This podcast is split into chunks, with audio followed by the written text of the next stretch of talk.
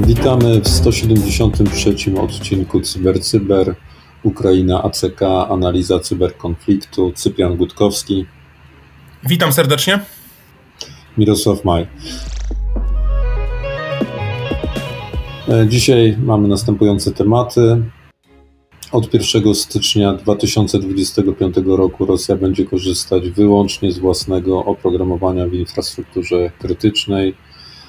E, Hacknet przechodzi do ofensywy po stronie rosyjskiej. Raport zagrożeń najczęściej występujących obecnie w Europie Wschodniej. Wyciek maili z firmy rosyjskiego oligarchy. Atak na wojskową administrację w Kijowie i zagrożenia z obwodu kaliningradzkiego.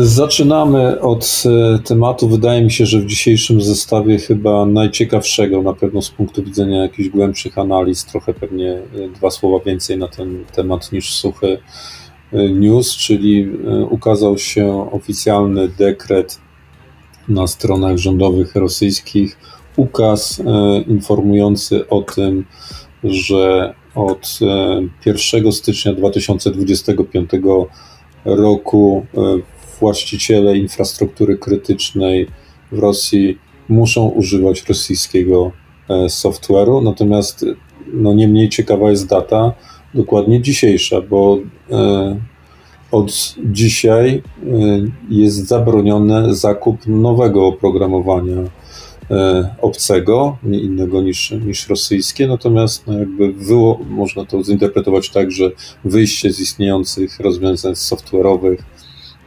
E, no, będzie trwało jeszcze przez następnych e, kilkanaście, kilkadziesiąt miesięcy, czyli do tego 1 stycznia 2025 roku.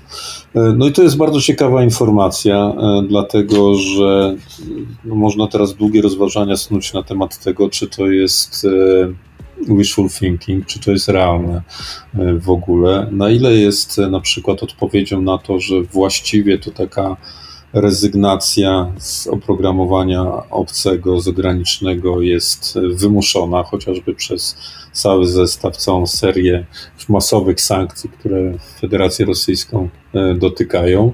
Natomiast z drugiej strony oczywiście jest też tak, że no, trzeba tutaj odnotować fakt, że próba uniezależnienia się od e, rozwiązań zachodnich e, po stronie rosyjskiej to nie jest zupełny news, dlatego że już e, od dawna wiemy o czymś takim jak e, Astra Linux, czyli e, specjalny system operacyjny określany jako rosyjski, natomiast bazujący na open source, czyli na Linuxie. I od wielu lat już właściwie Rosjanie pracują nad tym systemem, pracują nad różnymi wersjami tego systemu, nazywanymi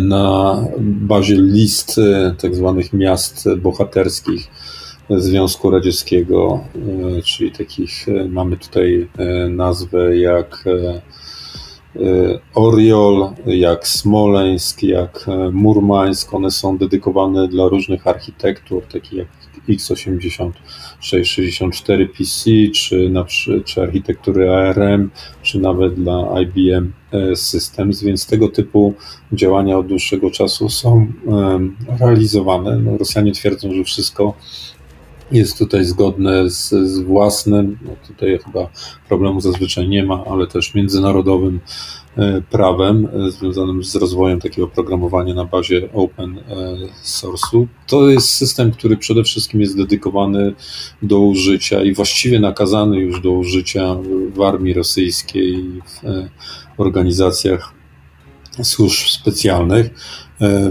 w Rosji. E, no ma na przykład też swoją wersję e, płatną, e, rozwinięty w ogóle był przez jedną z agencji, dedykowanych agencji rosyjskich, która dostała takie zadanie i właśnie taki system roz, rozwinęło. Natomiast ta agencja, jeżeli dobrze pamiętam, nazywa się Rusbitech Natomiast ciekawy jest tutaj wątek, co oznacza kwestia oddzielenia się od nosi użycia tylko i wyłącznie rosyjskiego softu, dlatego że no, pierwsze interpretacje i w ogóle przypadki z przeszłości, e, a nawet obecne rozmowy, zdaje się, mówią o tym, że na przykład z punktu widzenia systemu Android, który właściwie już e, poniekąd jest formalnie niemożliwy do instalacji na telefonach sprzedawanych w Rosji, nie uzyska takiej certyfikacji, no to alternatywą jest chińskie rozwinięte przez firmę Huawei e, oprogramowanie o system operacyjny Harmony e, OS. E, mamy też doniesienia nawet z, jeszcze z 2015 roku właśnie, że wspomniany Rus Bitech i Huawei prowadziły wspólne prace i wspólne jakby podchodziły do sprawy współpracy przy rozwijaniu właśnie z własnego E, niezależnego e, software'u, więc na pewno jest to bardzo ciekawa informacja. Ja by przy okazji być może dedykowałbym ją również tym, którzy e, głoszą hasła. Nie odnoszę się i nie oceniam ich w tej chwili, ale głoszą hasła tak zwanej cyfrowej niepodległości. W Polsce też taka dyskusja od czasu do czasu się przewija, na ile takie coś jest realne, więc wygląda na to, że na horyzoncie mamy prawdziwe case study, E, które będzie tutaj próbowała przeprowadzić Federacja Rosyjska, więc będziemy mogli obserwować, co to e, naprawdę oznacza. No, wydaje się, że tutaj kluczowe może być kwestia rzeczywiście obsługi infrastruktury krytycznej, na przykład rozumianej jako automatyka przemysłowa na bazie, na bazie własnych rozwiązań, gdzie wiadomo, że tymi e, gigantami na skalę światową, które, którzy też e, są obecni w Federacji Rosyjskiej, e, no to są firmy jednak zagraniczne, zachodnioeuropejskie czy amerykańskie. Tak, ale tu mam właśnie pytanie, bo wspomniałeś Mirku o tym, że mm, telefony mogą korzystać z chińskiej. No nie do końca, bo jeżeli napisali, że ma być to rosyjska, a nie korzystać z jakiejkolwiek zagranicznej bazy, no to już tutaj pojawia się z zagranicznego software'u, no to tutaj już pojawia się też problem, więc trzeba coś wymyśleć również na telefony. Także dużo pracy przed rosyjskimi programistami, zwłaszcza, że większość z nich wyjechała, przynajmniej wyjeżdża z Rosji, no to szerokości i naprawdę myślę, że to będzie bardzo ciekawy y, projekt.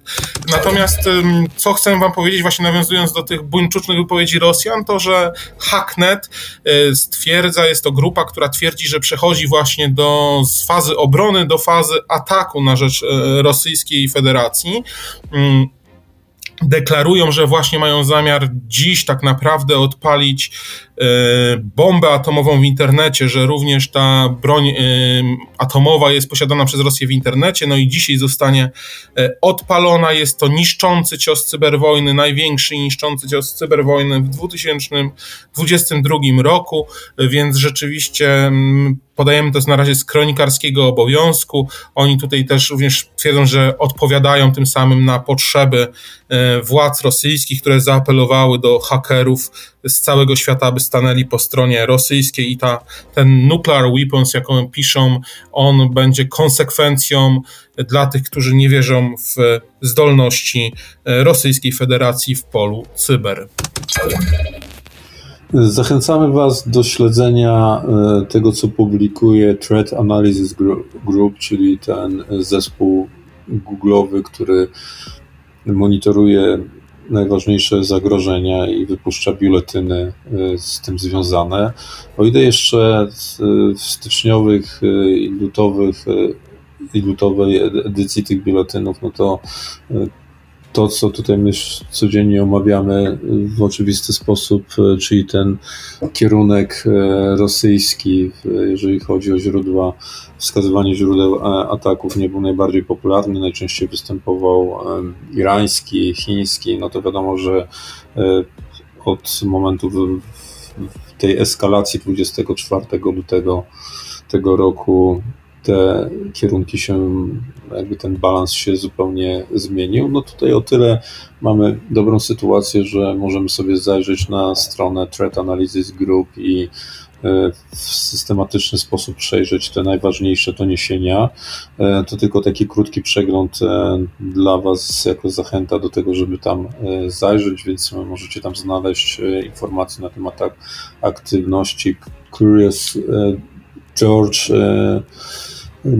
grupy, która jest, e, której przypisywana jest atrybucja e, chińska, ale właśnie odnotowano wiele ataków na Ukrainę, na instytucje, podmioty ukraińskie, rosyjskie, rosyjskie co ciekawe również e, kazachskie czy mongolskie. E, dodatkową wartością tutaj przy tych publikacjach e, taga jest e, też podawanie IOC-ów, które możecie wykorzystać operacyjnie w swoich sieciach, w swoim monitoringu czy urządzeniach filtrujących.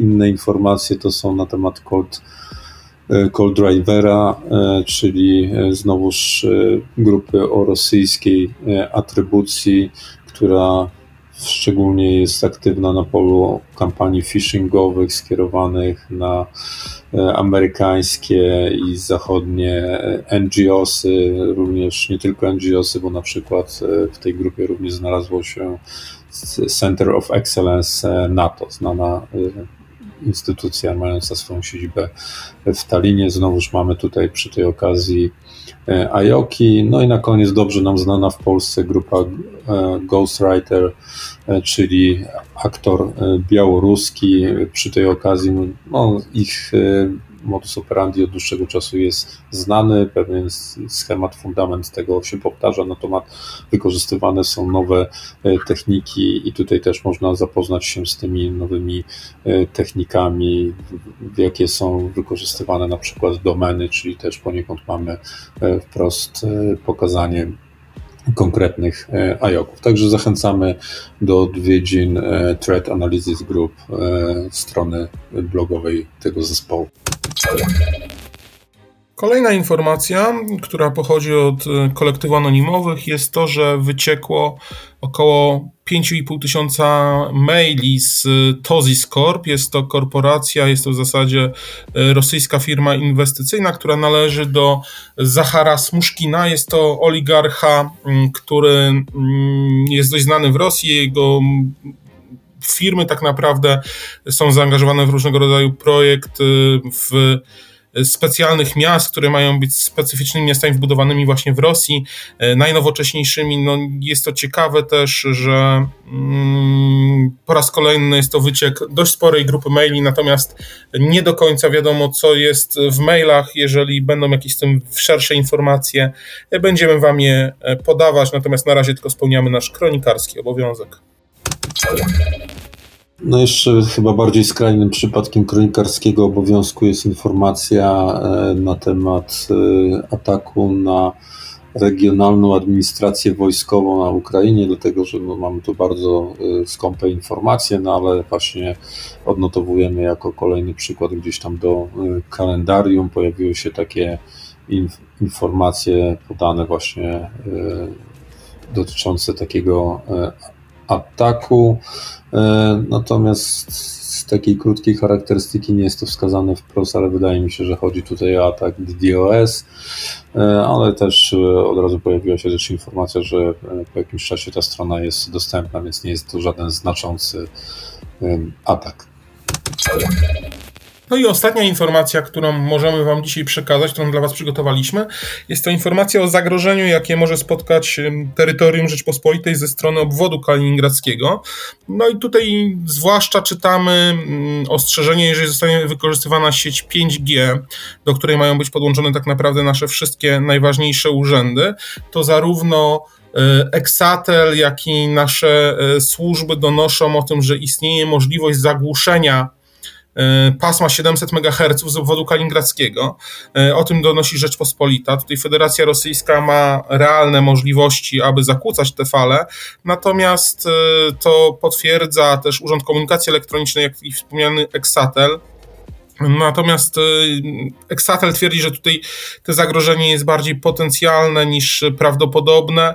Y, także w chwili obecnej tego zagrożenia nie ma, ale w wypadku, jeżeli by szło, doszłoby do jakiegoś konfliktu, nieistotne, czy to byłby konflikt hybrydowy, czy faktyczny konflikt zbrojny, to należy się spodziewać tego, że z obwodu kaliningradzkiego y, nasza sieć komórkowa może być zakłócana. Nasza komunikacja ogólnie, zwłaszcza mm, wojskowa, czy po prostu organów władzy.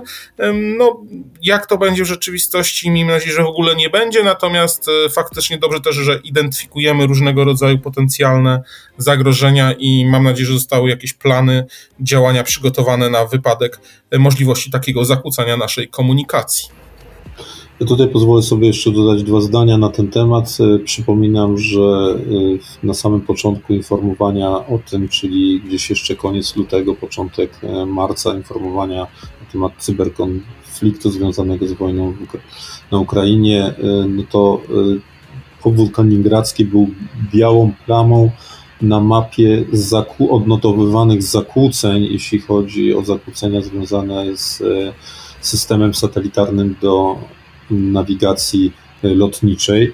No wszystko wskazuje na to, bo to nie są tylko te informacje obecne, ale też w przeszłości było sporo informacji na temat tego, że w Polsce nawet były odnotowywane różnego rodzaju zakłócenia związane z sieciami, e, szeroko rozumianymi sieciami radio, radiowymi, że wszystko wskazuje na to, że właśnie obwód kaliningradzki jest takim e, mocnym bastionem, takim centrum tego typu zdolności ze strony Federacji Rosyjskiej, więc oczywiście cieszą nas jakieś uspokojenia, że być może to zagrożenie nie jest tak e, wielkie, można było przypuszczać, natomiast ja bym aż tak spokojnie nie był, bo nie jest być może ta ocena e, ryzyka z tym związanego bazuje na tym, co wiemy do tej pory, jeśli chodzi o możliwości prowadzenia takich zakłóceń, natomiast absolutnie bym nie, nie wykluczał, a, nie, a niestety uważał za bardzo prawdopodobne, że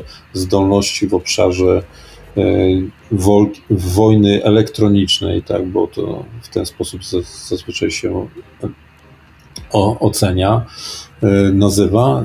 Z e, Federacji Rosyjskiej są bardzo duże i może tutaj w którymś momencie się okazać, że mamy do czynienia z atakiem, który wcześniej na przykład technika jego, e, jego TTP nie było wcześniej odnotowywane. Także tutaj na pewno działania strategiczne, długofalowe na, te, na rzecz zabezpieczenia tej sieci są bardzo, bardzo potrzebne. I to Tyle w 173 e, odcinku Cyber Cyber. E, bądźcie cyberbezpieczni. Dziękujemy Wam za wysłuchanie i zapraszamy jutro. Cyprian Gutkowski. Dziękuję bardzo. Mirosław Maj, cześć.